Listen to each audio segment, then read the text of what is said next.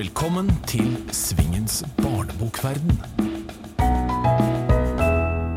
Velkommen til eh, Svingens barnebokverden. Vi har nå holdt på så lenge at jeg faktisk har gått surr i hvilken episode vi har kommet til. Men det spiller ingen rolle, for nok en gang så er det to meget interessante forfattere som er gjester. Denne gangen er det forfatter Sverre Knutsen, og det er forfatter Stein Erik Lunde. Sverre, vi skal begynne med deg. Velkommen. Takk for det. Når fant musikeren Sverre Knutsen ut at han også ville skrive bøker? Det var vel nesten motsatt. Det var uh, den uh, potensielle forfatteren eh, Sverre Knutsen som fant ut at han ville spille i band da jeg var uh, ja, ganske ung. Men, men altså, av en eller annen grunn var drømmen Begge drømmene var ganske, ganske, føltes ganske ville den gangen. Men drømmen om å bli forfatter var av en eller annen grunn hang enda høyere enn å spille i band. Spille i band tenkte jeg at skulle være kanskje mulig, men å skrive bøker, det syns jeg virka veldig komplisert. Noe som også viste seg å være riktig, da. For det er jo ingen hemmelighet at jeg er veldig musikkinteressert. Og i 1989 så debuterte du da med en voksenbok som heter 'Strålende nederlag'. Og som jeg leste i 1989 med en gang den kom ut. Yes, ja, det er Jeg godt. eh, Ikke be meg gjenfortelle handlingen i dag, men jeg husker det i hvert fall som en eh, stor begivenhet. Og, men året etter så skrev du da din første barnebok. Ja. Og hva var det som fikk deg til å begynne å skrive for barn og ungdom? Det var først og fremst at jeg hadde små barn og drev og lagde små fortellinger til dem. Særlig når vi var ute og kjørte bil i lange strekninger, så pleide jeg å improvisere noen fortellinger. Så jeg hadde, liksom, hadde noe. Og så ble jeg konkret spurt av Irja Tornfeldt på Aschehoug, og det hadde utrolig mye å si. Det er eh, Lignende spørsmål har jeg savnet i ettertid, for å si det sånn. Fordi jeg er klart for å gjøre alt mulig rart hvis folk spør meg. Så hun spurte kan ikke du skrive barnebok. Så sa jeg jo. Eller ungdomsbok. Så sa jeg jo, og så gjorde jeg det. Ja, for eller ungdomsbok, sier du. Og det er jo egentlig mest ungdomsbøker du har skrevet for barn og Ja. ungdom. Ja, det, Hva, ble du også spurt om det etter hvert, etter at du skrev den første barneboka? ja, for, din første var jo egentlig en ungdomsbok, når jeg tenker meg om. Så det gikk Men, men det, vi, snakka vel om det samtidig, og det var ikke så lenge mellom dem. Så um, selv om uh, uh, jeg følte at jeg hadde materiale til, til noe som kunne bli noe barnevers og noe sånt, så var tanken på å skrive en roman for ungdom også heller ikke fremmed. Altså, så var det det at eh, jeg har vanskelig for å si nei til sånn, den type utfordring, så jeg tenkte hvorfor ikke. Men som en uh, ungdomsbokforfatter som har jo da skrevet uh, ungdomsbøker i tre tiår, hva mener du kjennetegner en god ungdomsroman? Det er vanskelige spørsmål. Det er jo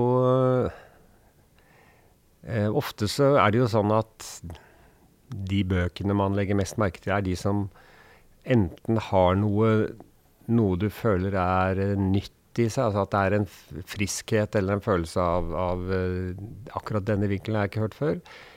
Eller så kan det jo på samme måten være denne historien har jeg hørt tusen ganger før, men likevel er den blitt eh, fascinerende. Så ja, men ofte er det de ytterpunktene som er mest spennende, syns jeg. Du, Sverre, har hatt en rekke forskjellige jobber opp igjennom.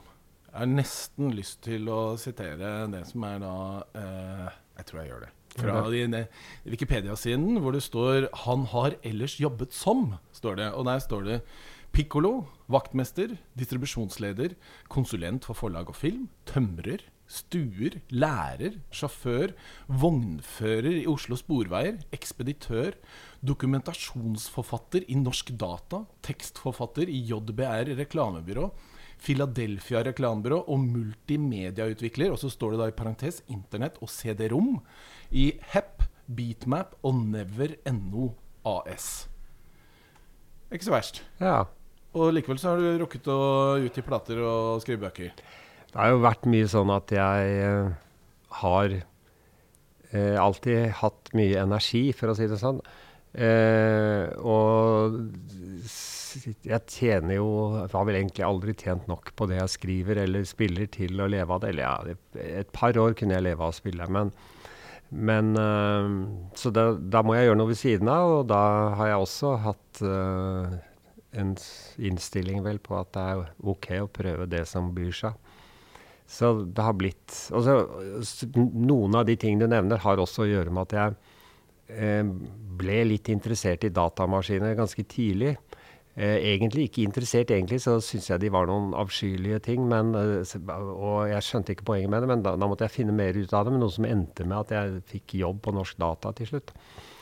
Fordi jeg da hadde lært meg litt om det. Men det var ikke mye man trengte den gangen, for å si det sånn.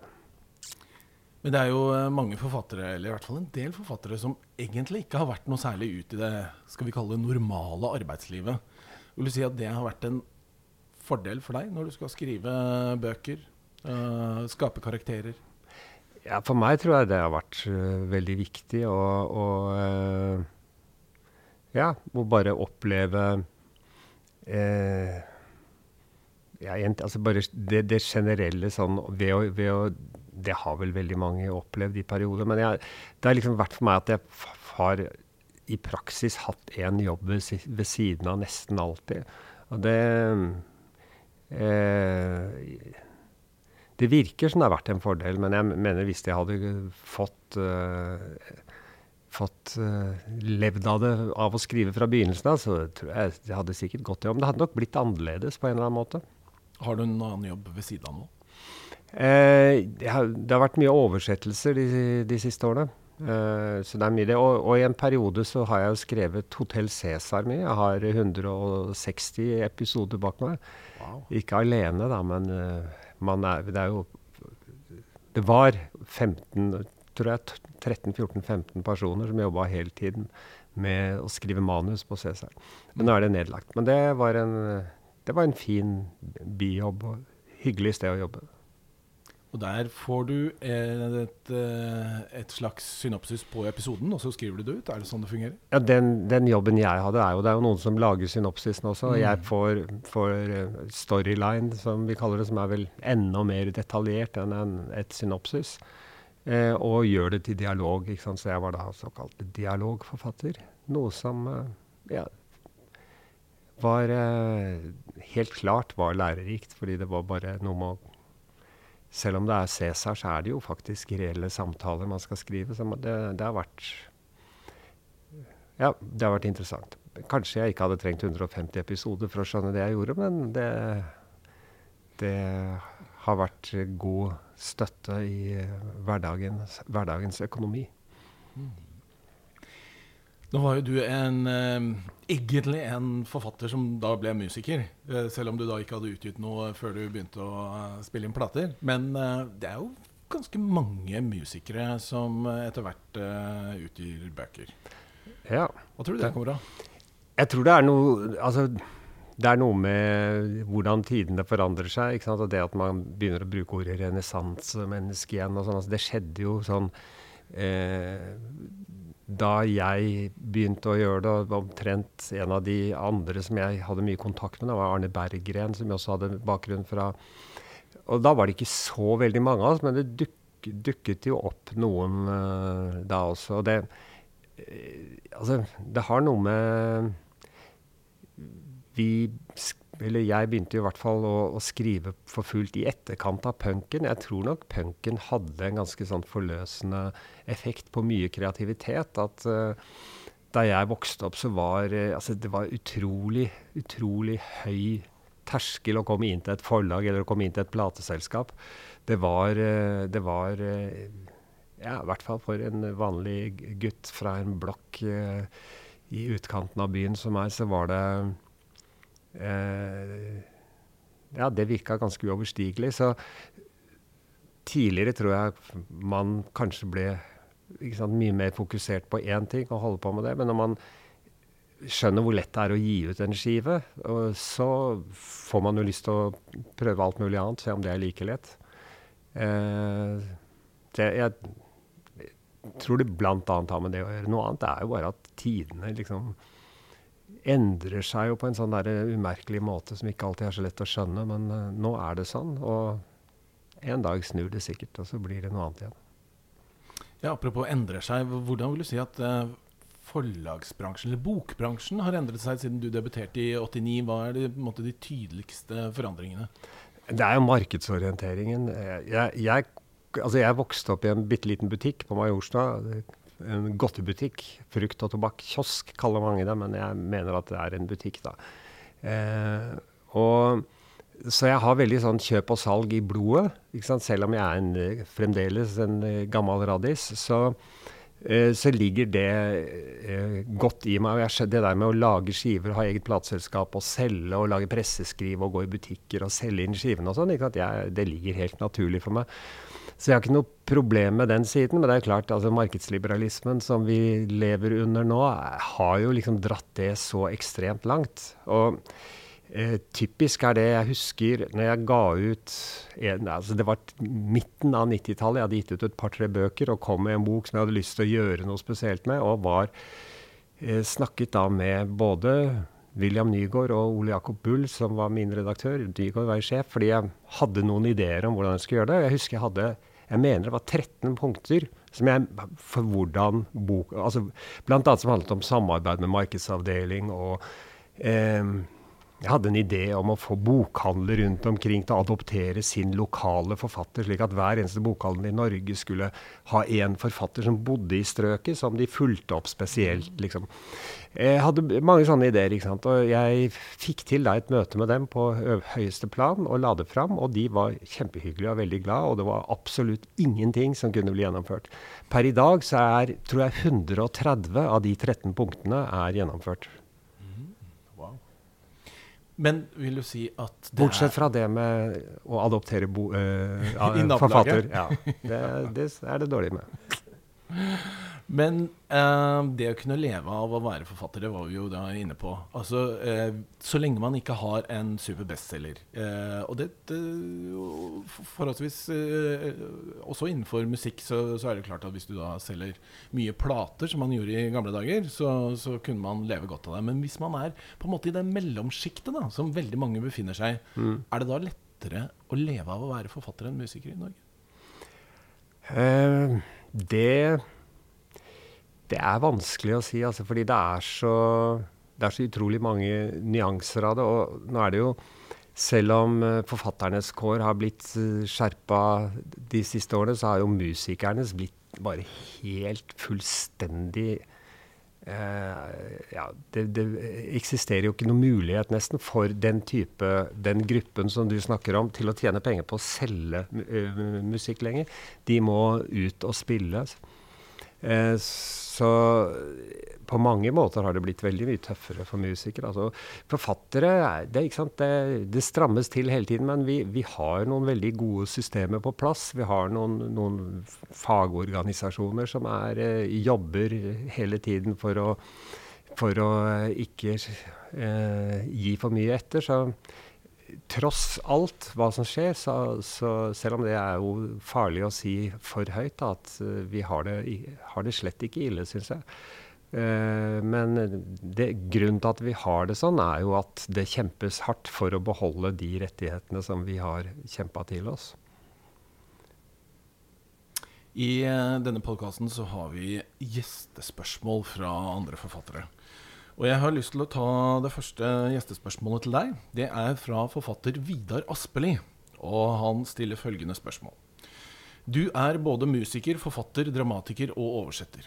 Hvor viktig er det musiske når du skriver, og hvor viktig er tekstene i musikken? Og så har han et delspørsmål til, og det er kan du lytte til musikk når du oversetter? Ta det første Nei, nei det siste først. Uh, nei. Jeg, er, jeg klarer ikke uh, Jeg klarer ikke bakgrunnsmusikk i det hele tatt. Hvis jeg har på musikk, må jeg høre ordentlig. Uh, det andre er uh, dette med forholdet mellom tekst og musikk sånn som det. Det, det, det er jo helt klart, for igjen begynne med den siste halvdelen av det spørsmålet, så er helt klart tekstene veldig viktige når jeg jobber med musikk. Jeg skriver alltid tekster først det hender at det er små ting som dukker opp som jeg jobber inn i tekster, men eh, så Ja, så for meg er det å lage låter handler jo veldig mye om teksten også. Eh, at det har like mye å si. Når det gjelder musikken i, i det jeg skriver, så eh, er jeg helt sikker på at jeg kunne sagt med god samvittighet det, at det har veldig mye å si. Men, men det er ikke så veldig bevisst. Men det er bare musikk har utrolig mye å si for meg i det hele tatt. For hele min eh, Hele måten jeg tenker på og eh, hvilke, ja, hvilke tilstander jeg kommer i.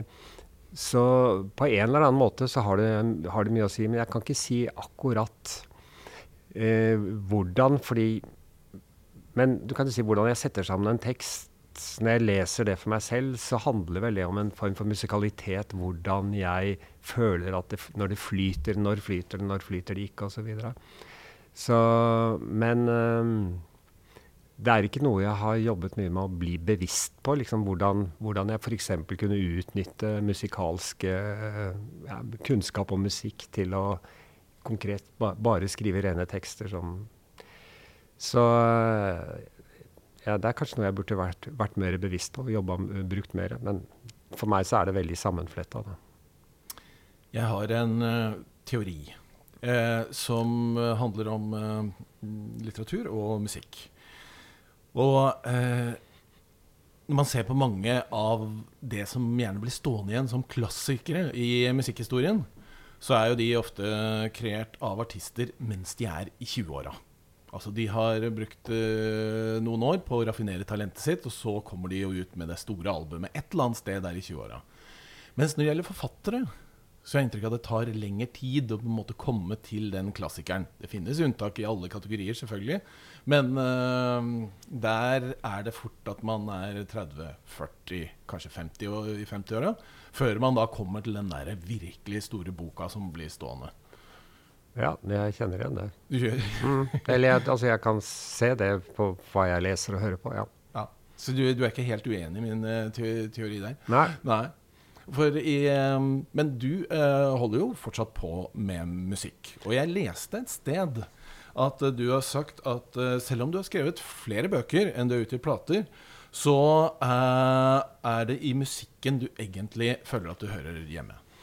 Det er nok litt noe som skjedde når jeg skrev denne selvbiografien for, som kom ut for to år siden. Eh, 'Sverre Knutsen 1979' er den fulle tittelen.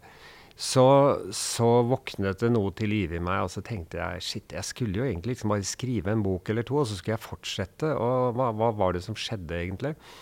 Eh, og det skjedde jo mye, for å si det sånn. Og, og eh, ja, kanskje jeg gikk og venta på at noen skulle komme og spørre meg om å spille noe. eller noe sånt. Noe.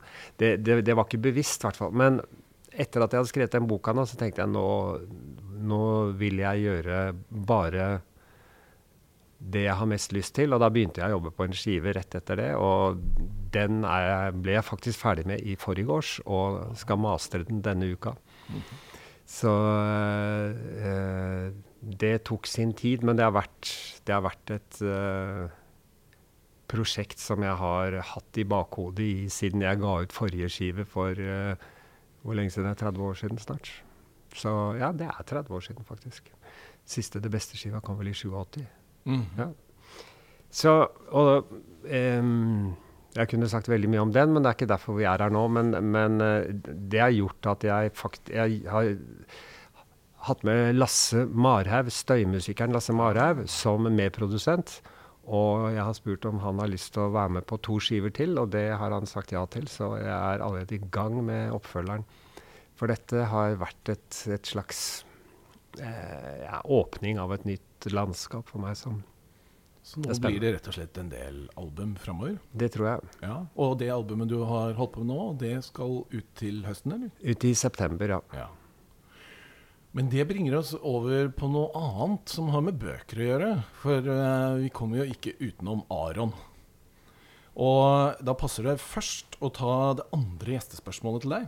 Det er fra bibliotekar og forfatter Stig Elvis Furseth.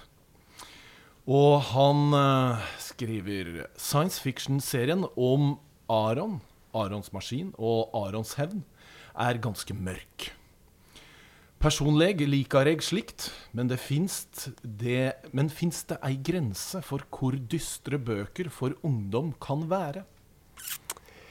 Eh, det, altså Man kan gi det svaret fra, fra, mange posisjoner. Hvis jeg skal svare fra markedsavdelingens posisjon først, så ja, åpenbart. Første av de to bøkene fikk masse oppmerksomhet, og den fikk riksmålspris og ble nominert til hvert tre-fire andre priser. og Solgte etter forholdene bra og i det hele tatt sånn. Den neste boka fikk ikke én eneste anmeldelse. Den er ikke anmeldt ett sted, og jeg tror den er solgt ca. syv. Og de kjenner jeg vel alle sammen, tenker jeg. Så jeg lovet å klippe plenen for dem, eller tilsvarende småarbeid. Så det er åpenbart sånn, da. Men uh, det skulle kommet en, en, et tredje bind. Ja, nettopp. Ja. For det ryktet har jeg hørt. Ja. Mm. Problemet det er at jeg skisset opp det tredje bindet for, for, fem år siden. Så hadde jeg det mens jeg jobbet allerede med bind to, så hadde jeg liksom et ganske grundig synopsis for bind, bind tre. Og det handlet om en flyktningkatastrofe i, uh, rundt Midtøsten et sted. Og enorme mengder mennesker som begynte å ville komme seg nordover eh, mot eh, Ja, komme seg nordover. Eh, og det Plutselig så var jo ikke det så veldig fiksjon lenger, og det ble veldig veldig vanskelig å skrive. Og jeg har virkelig jobba med saken. Men eh, slik det er nå, så tror jeg jeg kan ikke bruke den tematikken i det hele tatt. fordi da blir det en helt, helt annen bok enn jeg har tenkt meg. Så det, det har vært et, et, et det har vært et merkelig problem å støte på, men jeg, det, det, funker ikke. For det blir så mange paralleller til virkeligheten som, som, da blir stående på en merkelig måte. Hvis jeg ikke tar hensyn til det som faktisk har skjedd. Og da blir det jo en helt annen setting enn jeg hadde tenkt. For Du har ikke begynt skrivearbeidet på den? Du har skissert et eh, slags Jo, jeg har, har, begynt, jeg har prøvd å begynne å liksom ja. skrive meg inn i det og se hvordan det går. Og det er i den skrivingen jeg ser at, at eh, det dukker opp hele tiden. Selv om jeg begynner i Arons univers, som jo er det jeg kaller et slags uh, eh, retrofuturisme. At det foregår litt i, fram, uh, i, en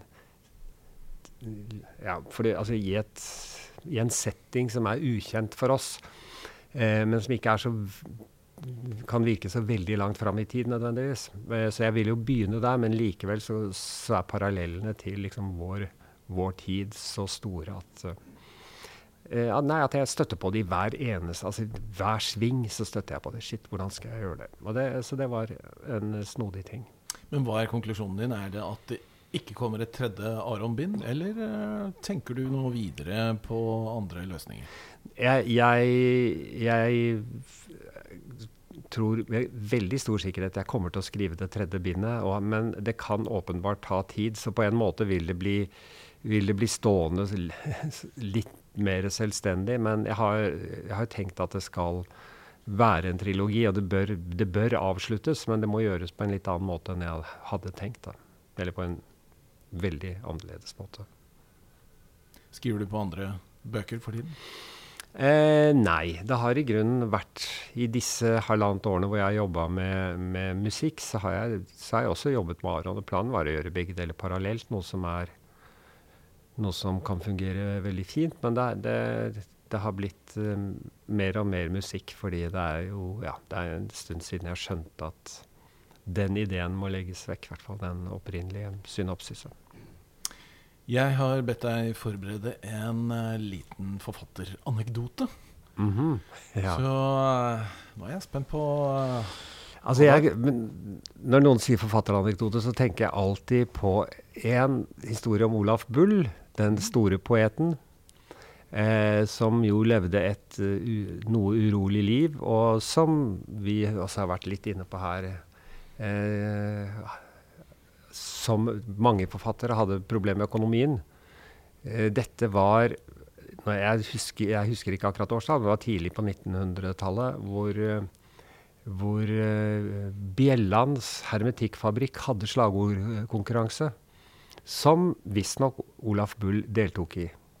Det påstås også av den som fortalte meg anekdoten Jeg prøvde å sjekke det nå, men jeg fikk det ikke bekreftet. At den som faktisk vant, var, var Eh, nå står det stille, men det var en mer kjent eh, norsk, litt lettere poet fra samme periode.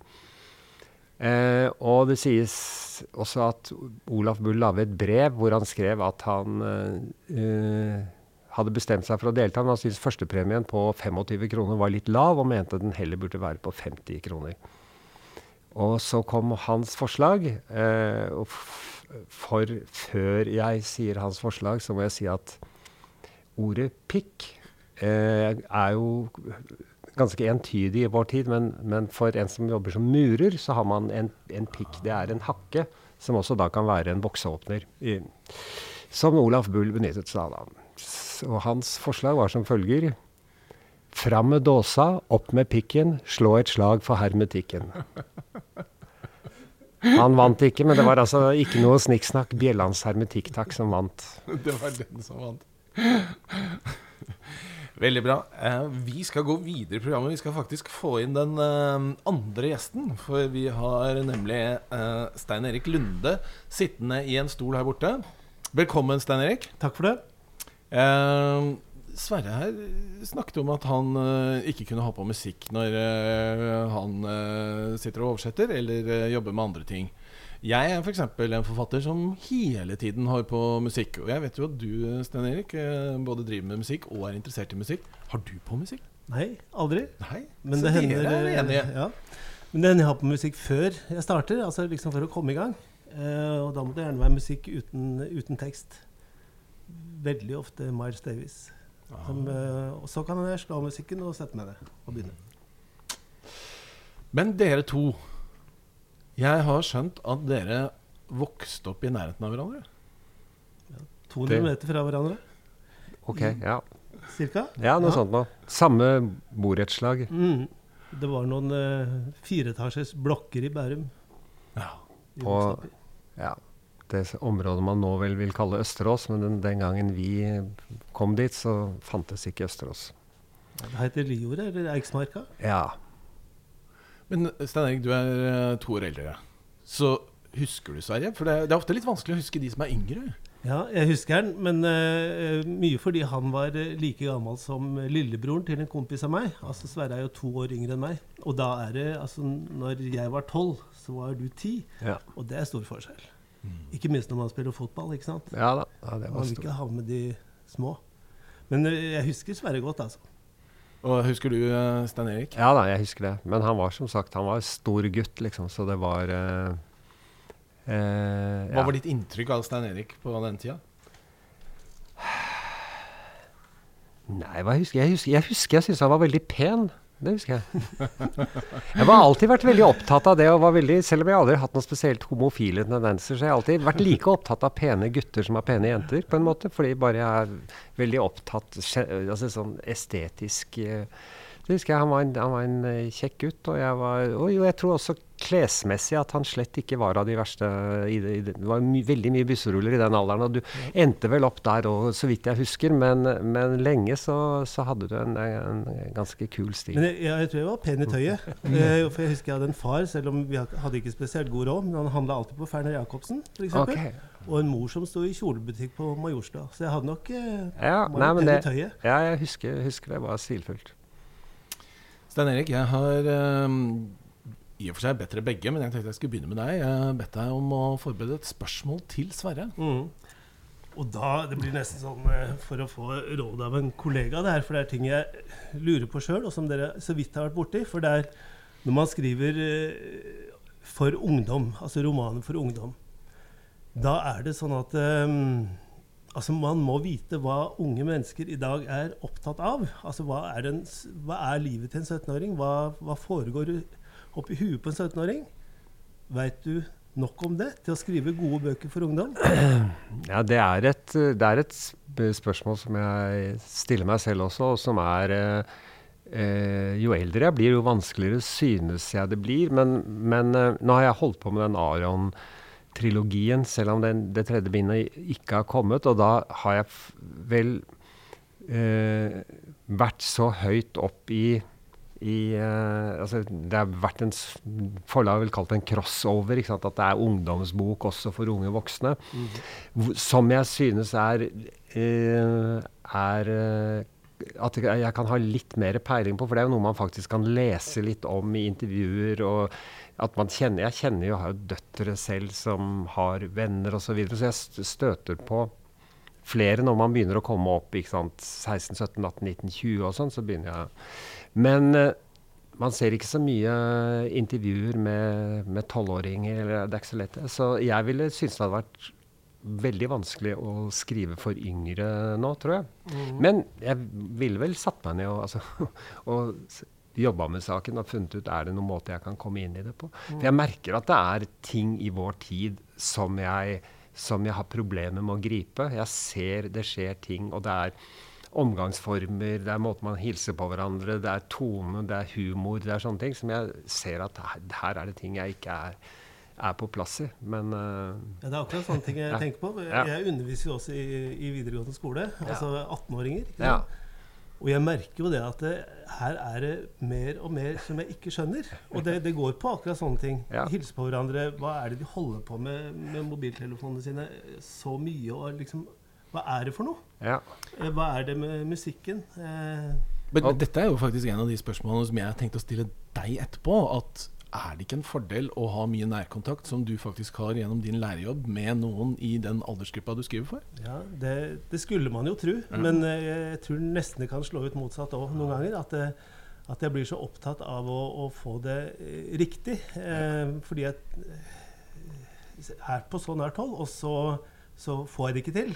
Ja, så blir du hekta i ja. Eh, og jukser, liksom. Men at du, ja, at du, roter deg inn i, i dette, noe som kanskje egentlig er detaljer, fordi det er jo ja, fordi det er så utrolig mye små finurligheter som, uh, ja. som finnes. Og, det. Men, uh, og en måte ja. er jo selvfølgelig å, å, å, sende dem til et sted hvor det ikke er dekning på mobilen. Men det syns jeg er for feigt. Det, altså, mm. det syns jeg ikke går. Ja. Men det er jo med dialog også i bøker. Altså, jeg har alltid skrevet veldig lite dialog. Og det er fordi jeg er redd for at den blir så fort utdatert. ikke sant? At de uh, uttrykkene som du bruker, da, de, det gjør de ikke til neste år. Nei, det er uh, et Så det har jeg alltid vært veldig sånn, forsiktig med. Men, ja. Sverre, skal vi ta ditt spørsmål til Stein Erik? Ja, det, altså, det ligger jo faktisk litt i, i samme samme gate, men også basert på det at vi vokste opp ved hverandre. Men det er sånn Hva tror du er den største forskjellen ved å være en, en uh, Da tenkte jeg egentlig, siden jeg har lest den boka di uka etter, mm. hvor hovedpersonen er 12-13 hva, hva, tror du er den største forskjellen på å være 12-13 den gangen vi vokste opp, og, gang, og, og, i dag? Tenk omtrent noen som vokser opp samme sted, sånn litt utafor byen, mm. i et blokkområde. Mm. Nei, en, eh, altså Siden du nevner den boka, da, for den handler om den dagen, eller uka etter John F. Kennedy ble skutt i 1963. Um, ehm, og når du stiller det spørsmålet, så tenker jeg umiddelbart på altså det hvis alle mennesker, barn, voksne, ungdommer, de, de var fokusert Altså de, de var opptatt av det drapet. Vi hørte om det på skolen, vi hørte om det da vi kom hjem. Altså, det lå i lufta hele tida, men nå er det så mange mm, Nå får eh, de inntrykk fra så mange steder, tenker jeg. Altså, ja. De ser Eller de ser vel kanskje ikke på TV lenger. Altså, de, de er på så, så veldig mange ulike steder. Mens, øh, mens det var øh, Vi var felles om øh, opplevelsene, tror jeg, i langt høyere grad. For det er jo sånn ja, Du husker faktisk akkurat hvordan det var da det skjedde. For det er liksom sånn Eh, det skilte seg så voldsomt ut at det var noe som var så dramatisk at alle snakka om det, og da, at det varte kjempelenge. Ja, men, men, det er også litt spesielt fordi altså, han ble skutt på tiårsdagen min. Ja, og det er jo det andre som er utrolig. Han ble da skutt på åtteårsdagen min. Ja. Vi har bursdag samme dag også. Yes. Så, men det, det, er noe derfor jeg husker det så godt. For da, ble, da, da, hadde jeg ikke lov til å ha bursdag. ikke sant? Jeg hadde ikke lov til å glede meg eller være glad for gavene eller, eller sånt. Og så har jeg gjort han gutten i den boka to år eldre, da. Ja. Så han er tolv. Mm. Jeg var forkjøla, så jeg hadde måttet avlyse bursdagen min. Ja, det ser du. Yes. Veldig interessant. Eh, Sverre, du skal få lov å sette deg. Tusen takk for at du stilte. Bare hyggelig. Så skal vi konsentrere oss om uh, deg, Stein Erik, og dine bøker. Ehm, av en eller annen grunn så er det jo gjerne sånn at man blir litt grann mer husket for én bok mer enn noen andre. Det er kanskje litt tidlig å si hvilken, men, men likevel har jeg en følelse av at i ditt tilfelle så kommer uh, boka 'Egg' til å stå litt grann, uh, høyere i folks bevissthet. Mm. Eller kaller du den egg-egg? Eller? Nei, jeg kaller den egg. Ja, men det, det er tre g-er, ja. Ehm, og jeg har skjønt at det er jo på en måte en litt personlig bok. Mm. For uh, den eggelikøren jeg har med her, den vil ikke du ha. Nei, det går ikke. Da blir det oppkast i studio. Hvor, hvor mye oppkast snakker vi om? Nei, vi snakker om alt som er i en. Jaha. Altså, ja. Sånn er jeg personlig på den måten at jeg er allergisk for egg. Ja. Ja. Så da Men er det da Altså, denne boka kom jo da i 1998. mm. Uh, er det Så det er en stund siden. Men jeg lurer like, likevel på Er det lettere eller vanskeligere å skrive en sånn bok når utgangspunktet er såpass nært?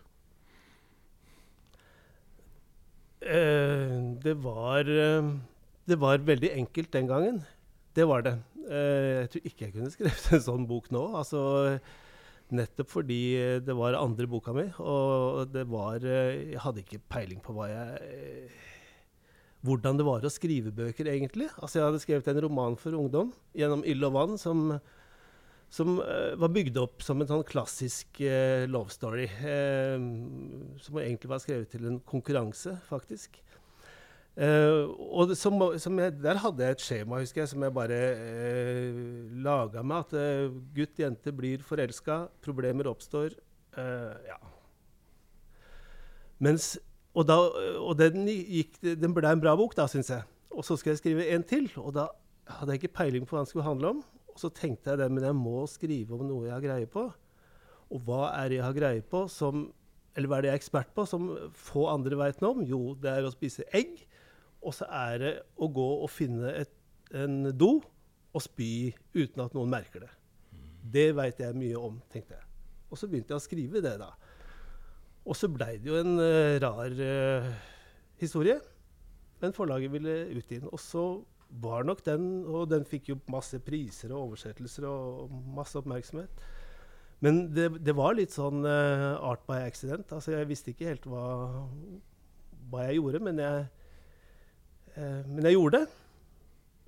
Og det er en bra bok, da, men, det, men når jeg leser den i ettertid, så ser jeg at, det, at den er ikke på noen måte perfekt, liksom. Men den har en veldig sånn energi, eller kraft. Altså Du var inne på musikere, hva de gjør i unge år. Nå var ikke jeg noen ung mann da, da men altså var det, som forfatter så var jeg ung og uferdig. Og det er en sånn veldig energi og sprut i den boka, syns jeg.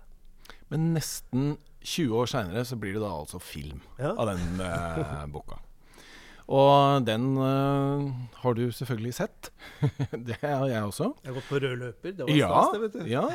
Kan jeg spørre, hva syns du om filmen? Jeg syns den blei bra. Mm -hmm. um, absolutt. Um, Jeg likte den også. Ja, og, den, eh, og den beholdt noe av den der uh, energien, da. Og jeg syns han uh, som spiller Gilbert, Ja. hovedrollen, at han, han greier seg veldig fint, altså. Og han, uh, han tilfører personen eh, såpass mye personlighet at det bærer, eh, bærer veldig godt.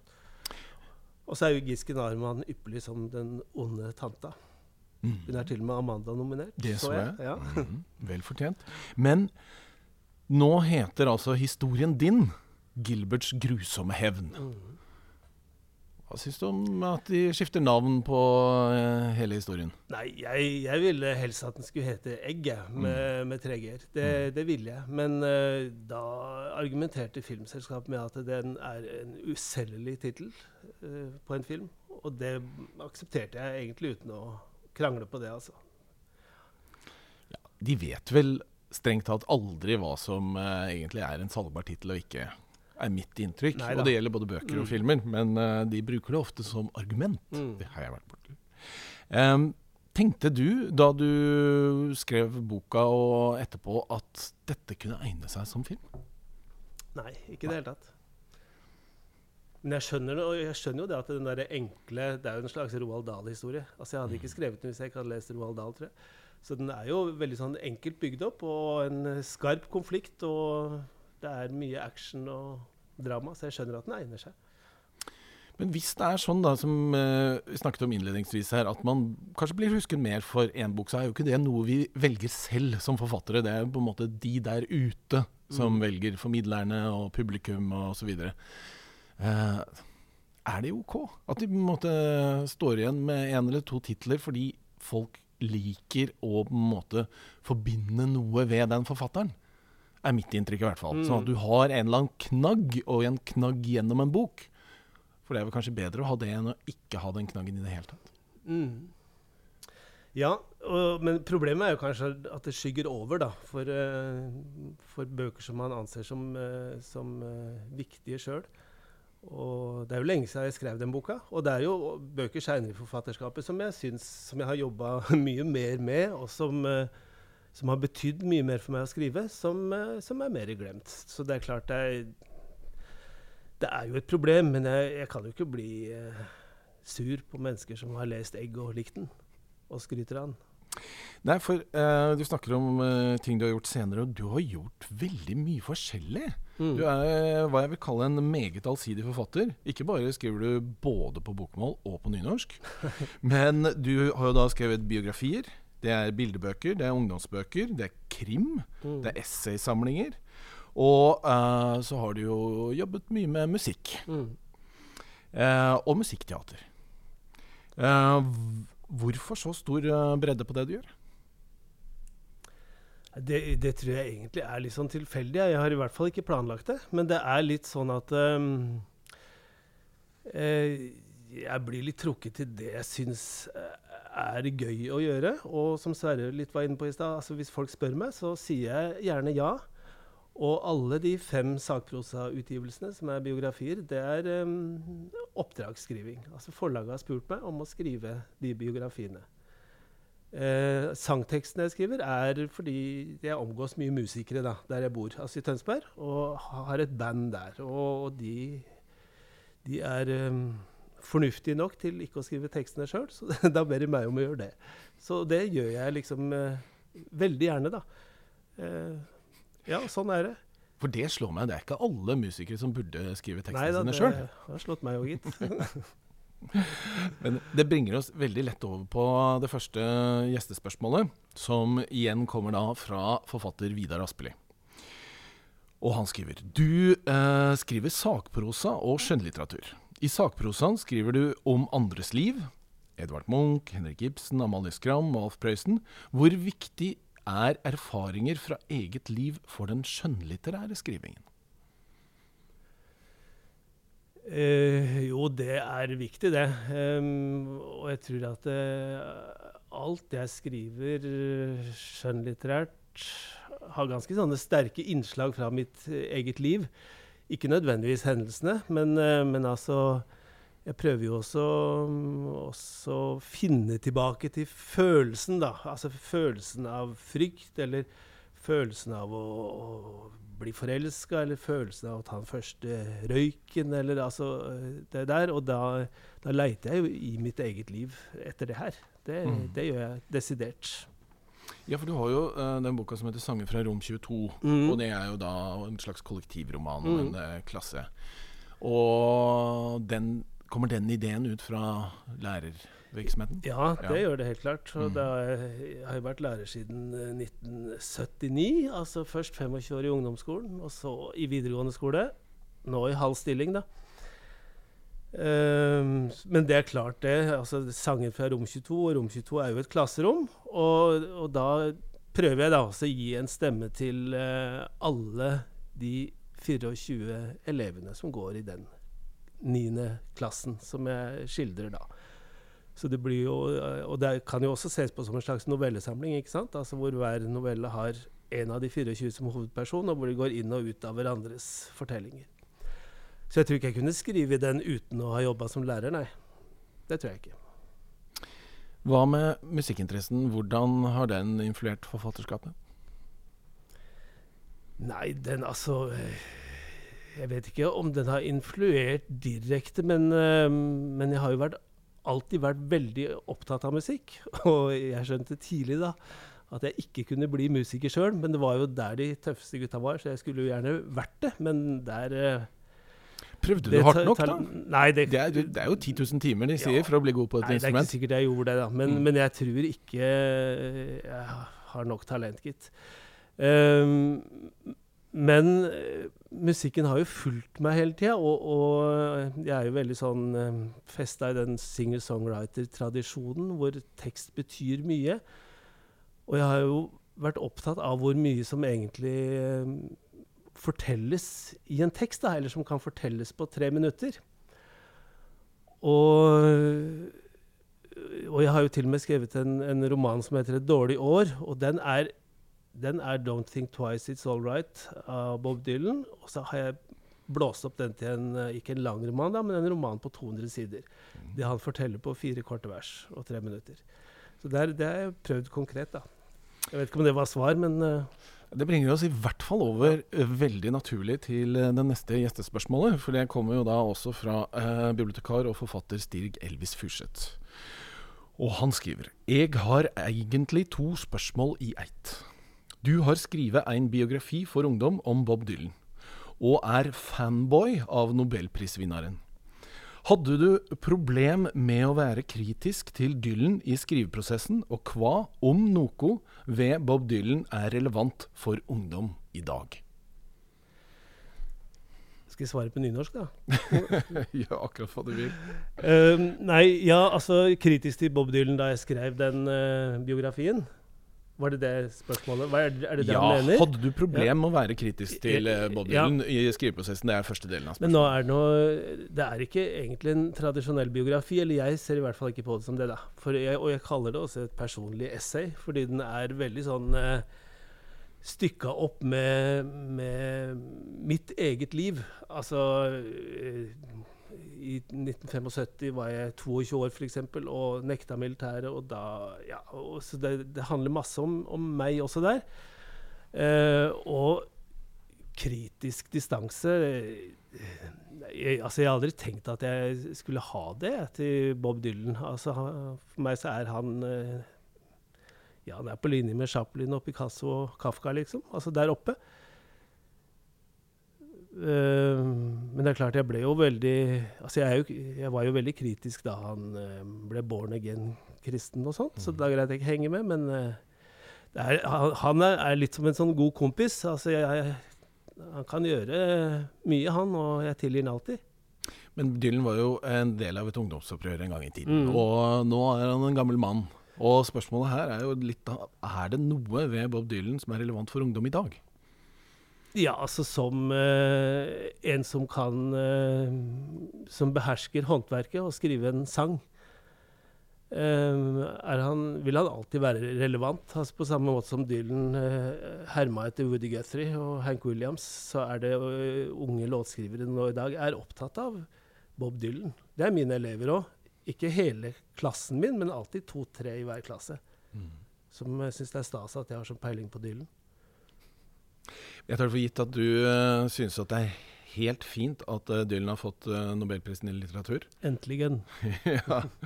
Men tror du noen gang en barne- og ungdomsbokforfatter kan få den prisen? Ja, altså det var jo Astrid Lindgren skulle jo hatt den. Det er det mange som mener. Så klart, og det er det Mm. mange som mener, ja. Så ja, det er vel ikke Jeg ser vel ikke det som umulig, nei. Nei, vi får se. Men uh, tatt din mm, musikkinteresse um, Jeg har lyst til å prøve denne på deg. Jeg syns det er lettere å sette opp en liste over de fem beste artistene i verden enn å sette opp en liste over de fem beste forfatterne som jeg liker. Er du enig eller uenig? Det var en nøtt. Uh... Fordi jeg får nok et annet type emosjonelt forhold til personen, tenker jeg. Eller bandet, for den saks skyld. Uh, enn jeg muligens får til de forfatterne. Der er det mer enkeltromanene.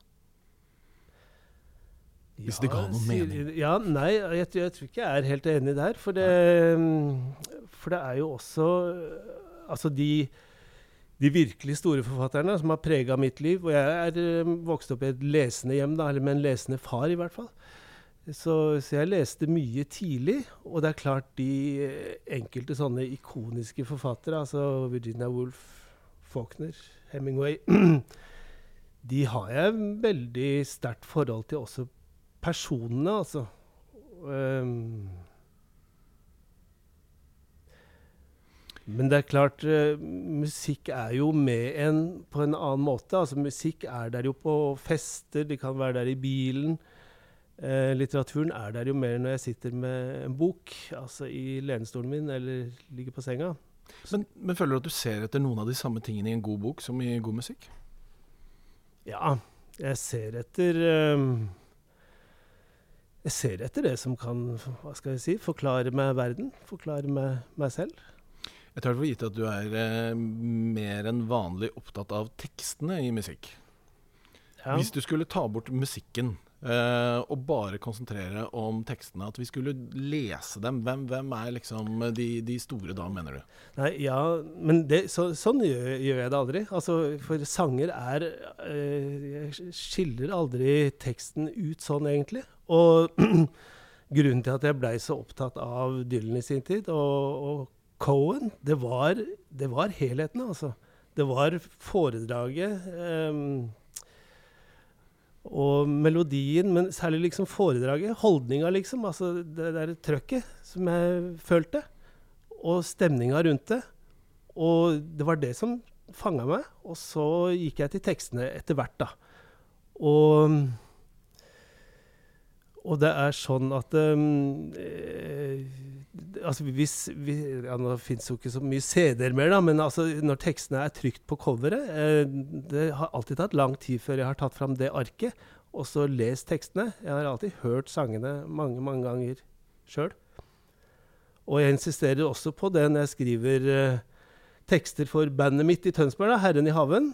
Uh, vi kom nå med vår fjerde CD. Der står aldri tekstene mine trygt på coveret. Og det er nettopp fordi jeg vil at de skal oppfattes som sanger. At de skal høres.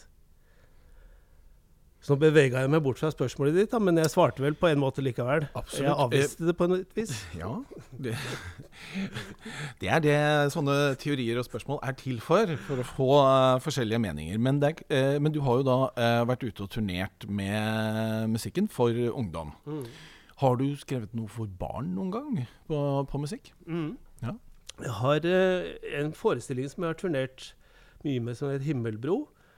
Som uh, reiste sammen med tre musikere. Og der er det um, Og det består av en fortelling, da. Altså bilder på et lerret. Altså en fortelling som jeg leser.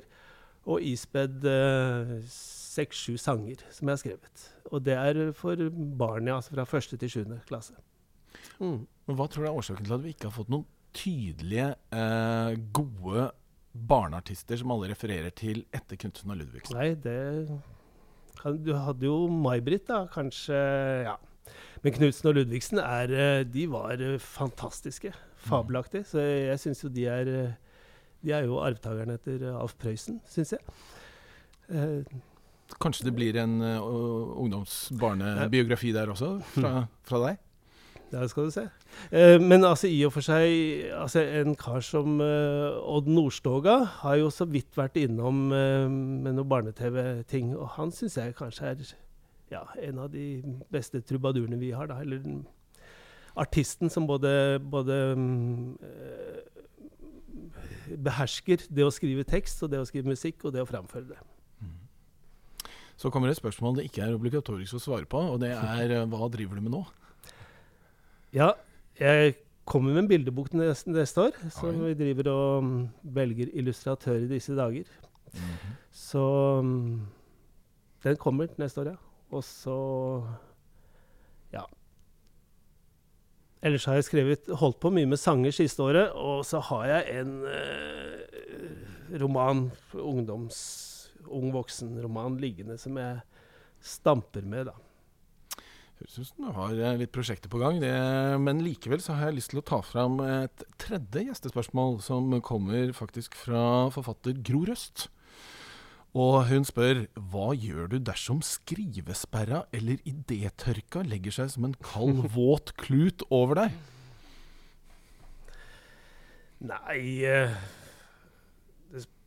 Det hørtes jo veldig dramatisk ut, det der. Men, eh, men det, som jeg gjør sånn uh, konkret praktisk sånn i hverdagen, det er veldig ofte å sette på noe musikk, faktisk.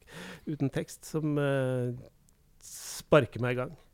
Særlig Miles Davis. Ja. ja. Mm. Jeg har bedt deg om en uh, liten forfatteranekdote.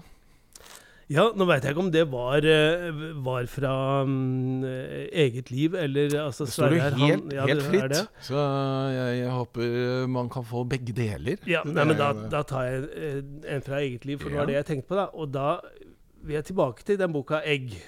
Uh, og, for da var jeg jo helt uerfaren som forfatter. Og den handler jo da i korthet om en, uh, altså en gutt som er allergisk for egg, og så har det en tante som ikke skjønner det der, eller som ikke vil skjønne det, og som lurer egg inn i maten hans, sånn at han kaster opp og blir sjuk. Og så bestemmer Gilbert seg for å hevne seg på hun tanta. Og det er en ganske spektakulær hevn. Ondskapsfull og, ja, og dramatisk. Og så var det sånn at da jeg leverte manus til forlaget, så ville de gjerne utgi det her som bok, og med illustrasjoner av Kim Hjortøy. Men de ville at han skulle angre at han hadde hevna seg. Han hadde jo nesten brent opp tanta si. Og på forlaget sa de at han, han må angre. Han må jo, det må jo være noe. Og så ga jeg meg på det. Selv om jeg, jeg visste jeg, jeg, ville ikke han skulle angre. Jeg ville han skulle være stolt av den hevnen han hadde gjennomført. Og så kom boka ut, og så den, fikk den gode kritikker og priser og greier. Og så ble den anmeldt i Aftenposten.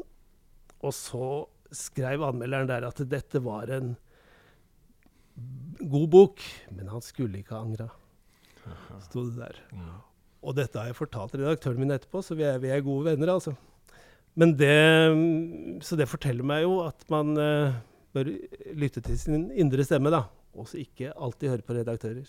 Ikke alltid høre Nei, på dem. Men ofte. ofte. Ofte høre på dem. Jeg har også uh, særlig et par eksempler hvor jeg mener at redaktører f.eks. har tatt feil. Mm. Gjerne to stykker som har ment akkurat det samme og jeg har ment det motsatte. Og da blir det vanskelig å stå imot. Men i ettertid leserne har sagt noe annet. Mm. Veldig fint å ha deg her, Stein Erik. Hyggelig at du tok turen fra Tønsberg.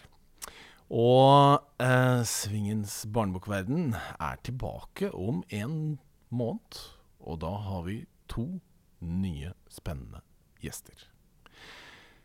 Takk til eh, Cappelen Dam for eh, lån av studio. Og vi høres. Du har hørt på Svingens barnebokverden med Arne Svingen.